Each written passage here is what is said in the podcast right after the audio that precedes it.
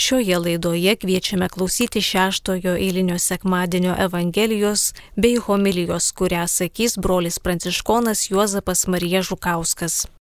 Antroje laidos dalyje girdėsime popiežiaus pranciškaus katechezę netikros viltys.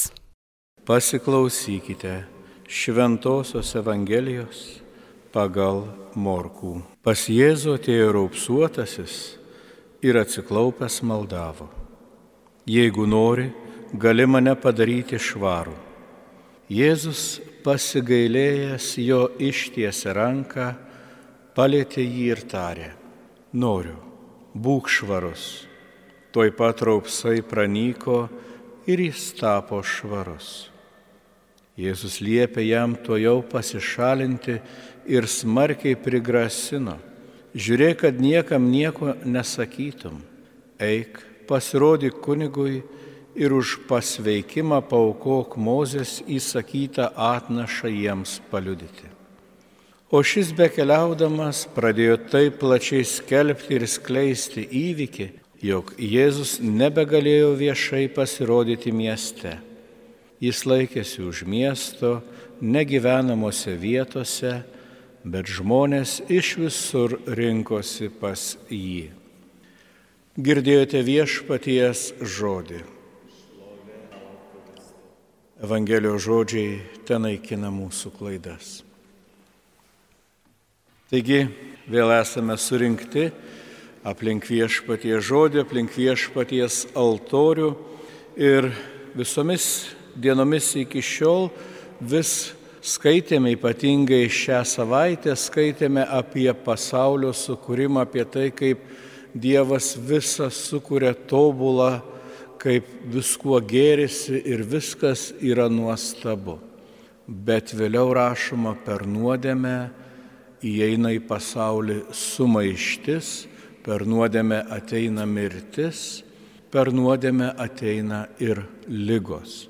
Ir rodos tame tobulame viešpaties pasaulyje atsiranda skausmas, vargas ir ne tik fizinės, bet ir dvasinės bėdos. Ir šiandien skaitiniai rodos mums kalba apie raupsus, apie baisę lygą iki visiškai nesenai neišgydoma ir mirtina. Tačiau jau pirmajame skaitinėje iš Seno testamento matome, kad net šiai fiziniai lygai yra priskiriamas tarsi ir šioks toks dvasinis aspektas. Susirgęs turi eiti ir pasirodyti viešpaties kunigui. Tarsi sakant, kad taip neturėtų būti. Žmogus juk turi būti sveikas ir bet kokia lyga yra nukrypimas nuo Dievo plano.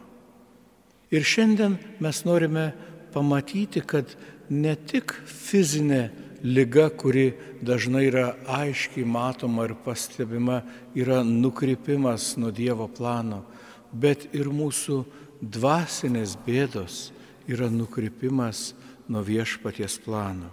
Ir jeigu fizinę lygą mes dažnai galime pamatyti ir imti ją gydyti, tai su dvasiniam lygomis nėra taip paprasta. Netgi atsitinka taip, kad mes prie jų priprantame ir imame su jomis gyventi ir sakome, kad gal taip ir turi būti. Nu pasižiūrėk aplinkui, visi turi tų bėdelių, gal tas pasaulis toks ir yra.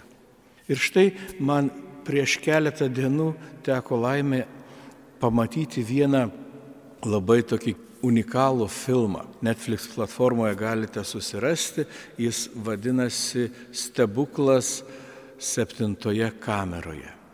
Tai yra turkų filmas, rodoma autistas vyras, kuris galvoje vis dar tebėra vaikas, jis augina mažą dukrelę ir jo dukrelė maža, gal 6-7 metų, kai ateina pas močiutę klausti, kodėl mano tas tėvelis rodos ir kitoks nuo kitų, kodėl kiti iš jo šaiposi, labai gražiai ta močiutė išaiškina vaikui. Žinai, sako, tau pasakysiu paslapti. Tavo tėveliui yra tiek pat metų, kiek ir tau.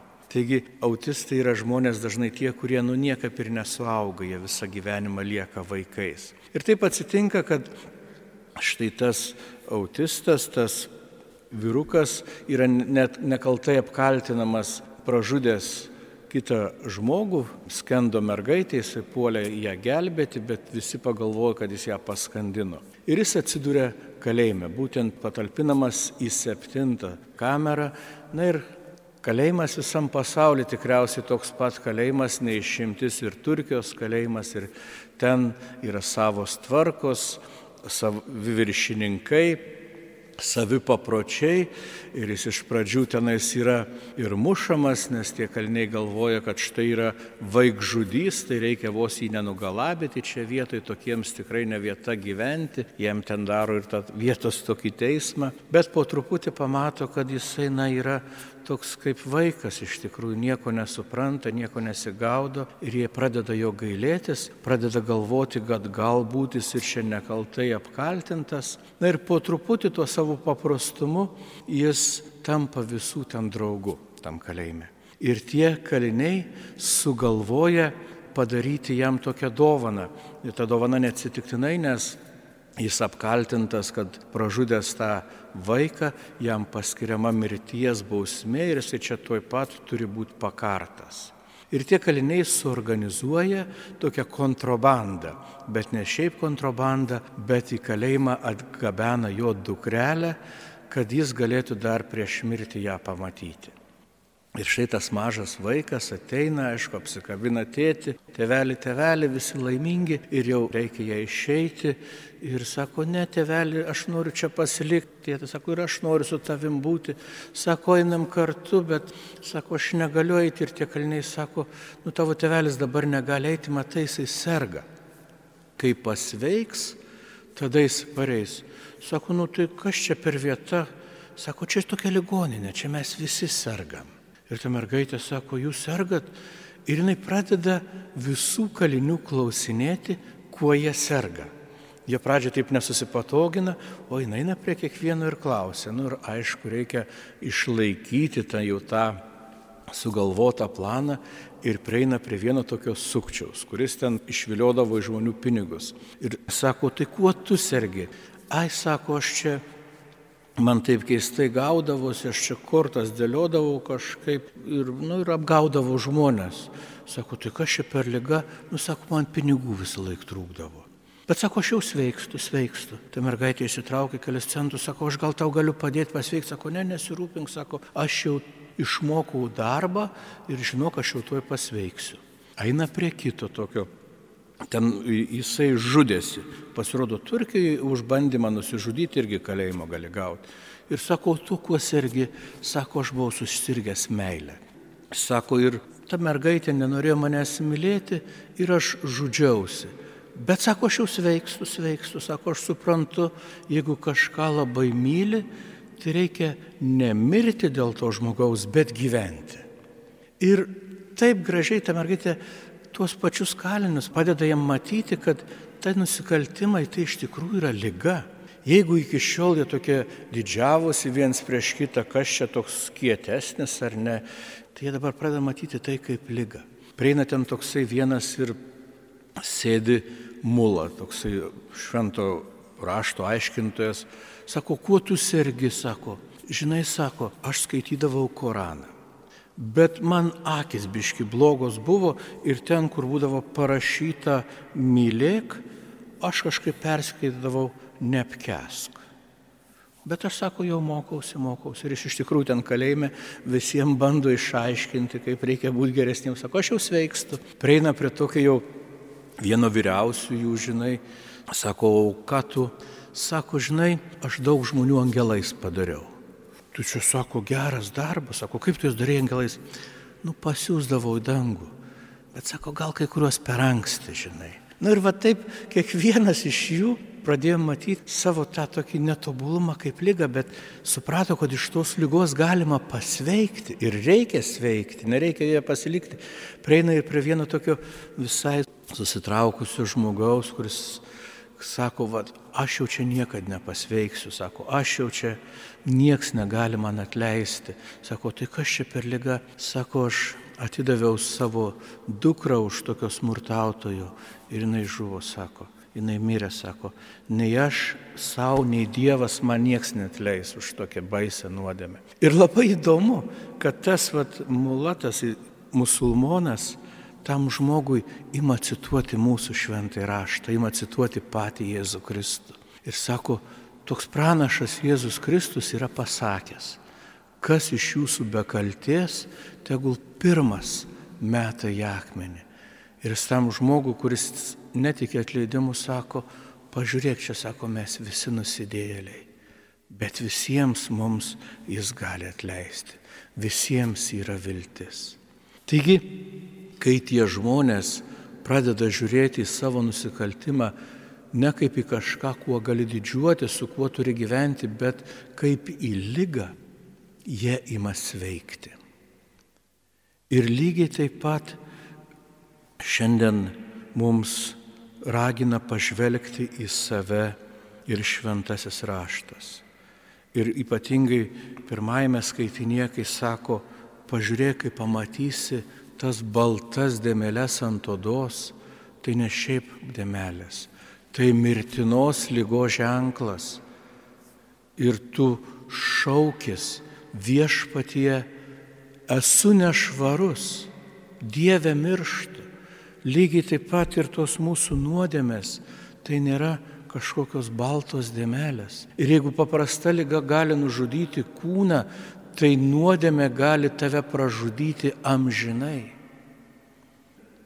Kai kas gal sakys, vėl bažnyčia čia mums aiškins, kaip reikia čia atgailauti, kaip čia reikia nesidžiaugti. Ne. Bažnyčia nesistengia mus murdyti purve, kad mes rodytume viens į kitą ir sakytume, tu nešvarus, tu nešvarus, tu nešvarus. Ji bando pasakyti, jau mes esame tame mėšle. Ir kad pasižvelgęs į save keltum akis į dangų ir šauktum Dievę nešvarus. Dieve sergu. Ir kad suklupę prie klausyklos ištartume, Jėzau, jei nori, gali padaryti mane švarų. Ir Jėzus šiandien mums Evangelijos puslapiuose atsako, noriu, būk švarus, noriu gyvenk, noriu, kad vėl būtum pilnas pilnas ramybės, pilnas gyvenimo, pilnas džiaugsmo. Tam čia ir atėjau, kad tu būtum švarus. Pasiveskime viešpačiui, atneškime jo akivaizdon savo lygas, savo silpnybės, savo nešvarumą, kad jo būtume apvalyti.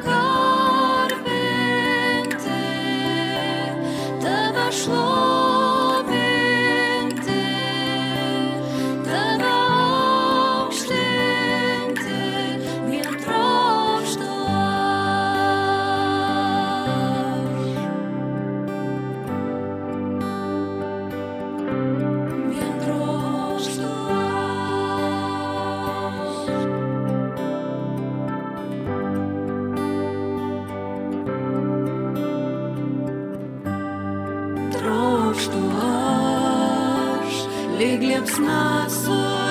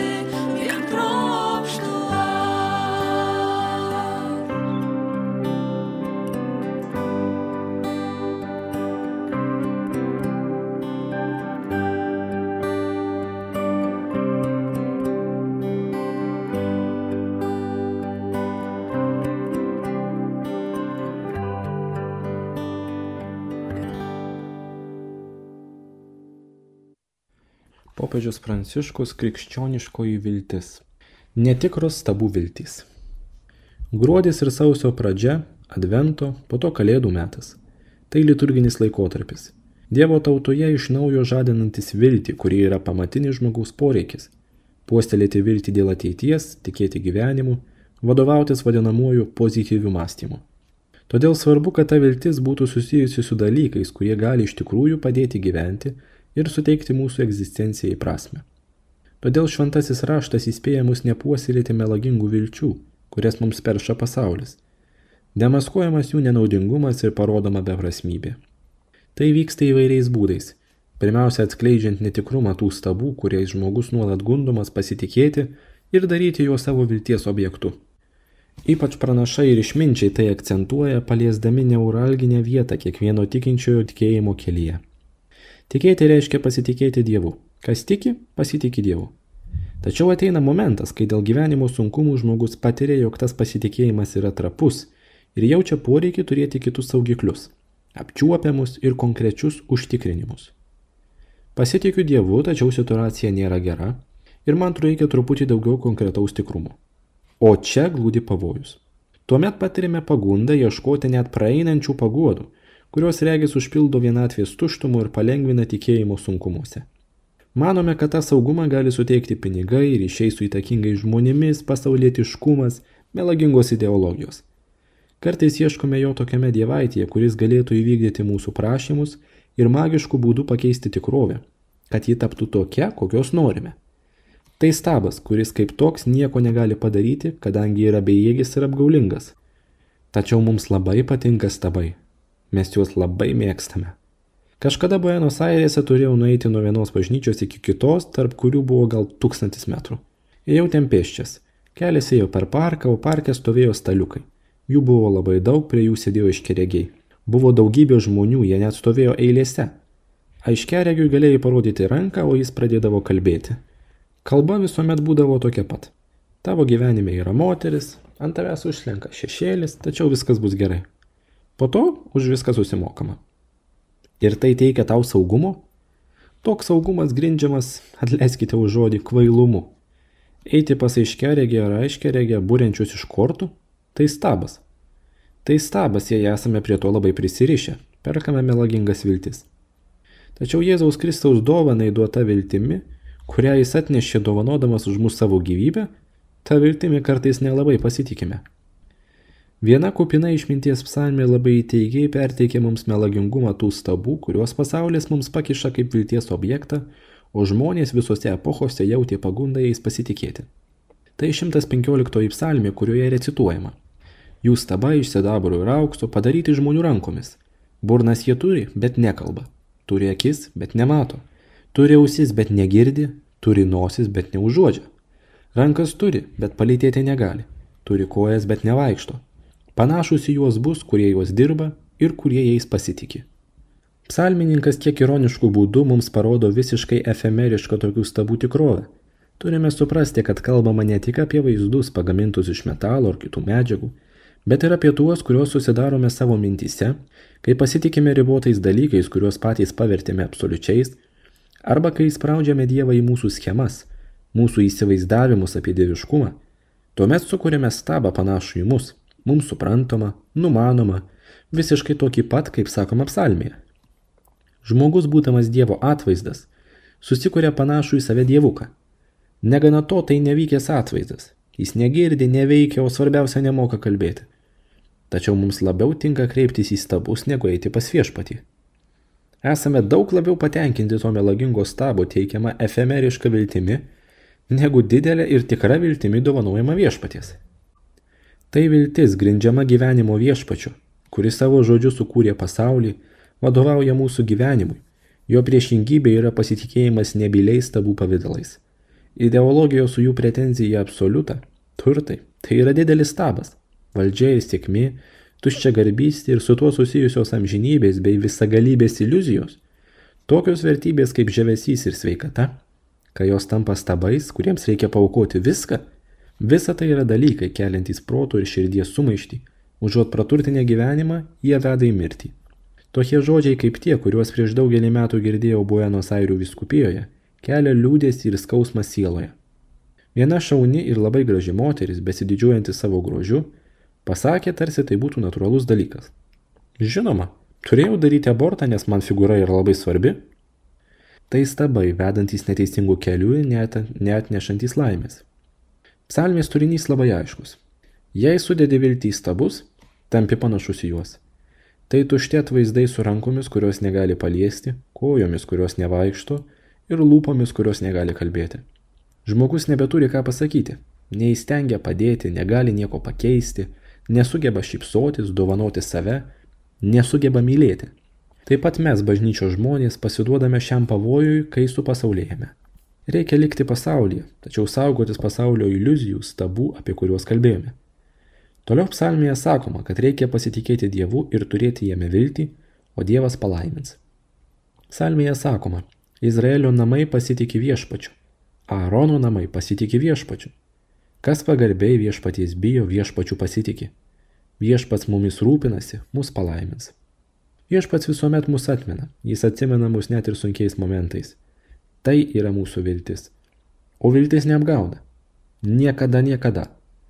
Stabai visuomet nuvilia, jie yra išgalvoti, jie netikri. Štai nuostabi vilties tikrovė. Pasitikėdami viešpačiu, tampame kaip jis, o jo palaiminimas padaro mus jo vaikais ir leidžia dalyvauti jo gyvenime. Į Dievą sudėta viltis leidžia mums įžengti, taip sakant, į jo atminties sferą, laiminančios ir išganančios atminties rytį. Tuomet gali kilti aleliuja, gyrius gyvam ir tikram Dievui, kuris dėl mūsų gimė iš Marijos, mirė ant kryžiaus ir šlovingas prisikėlė. Šiuo Dievu vilėmės. Šis Dievas, kuris nėra stabas, niekuomet nenuvilia.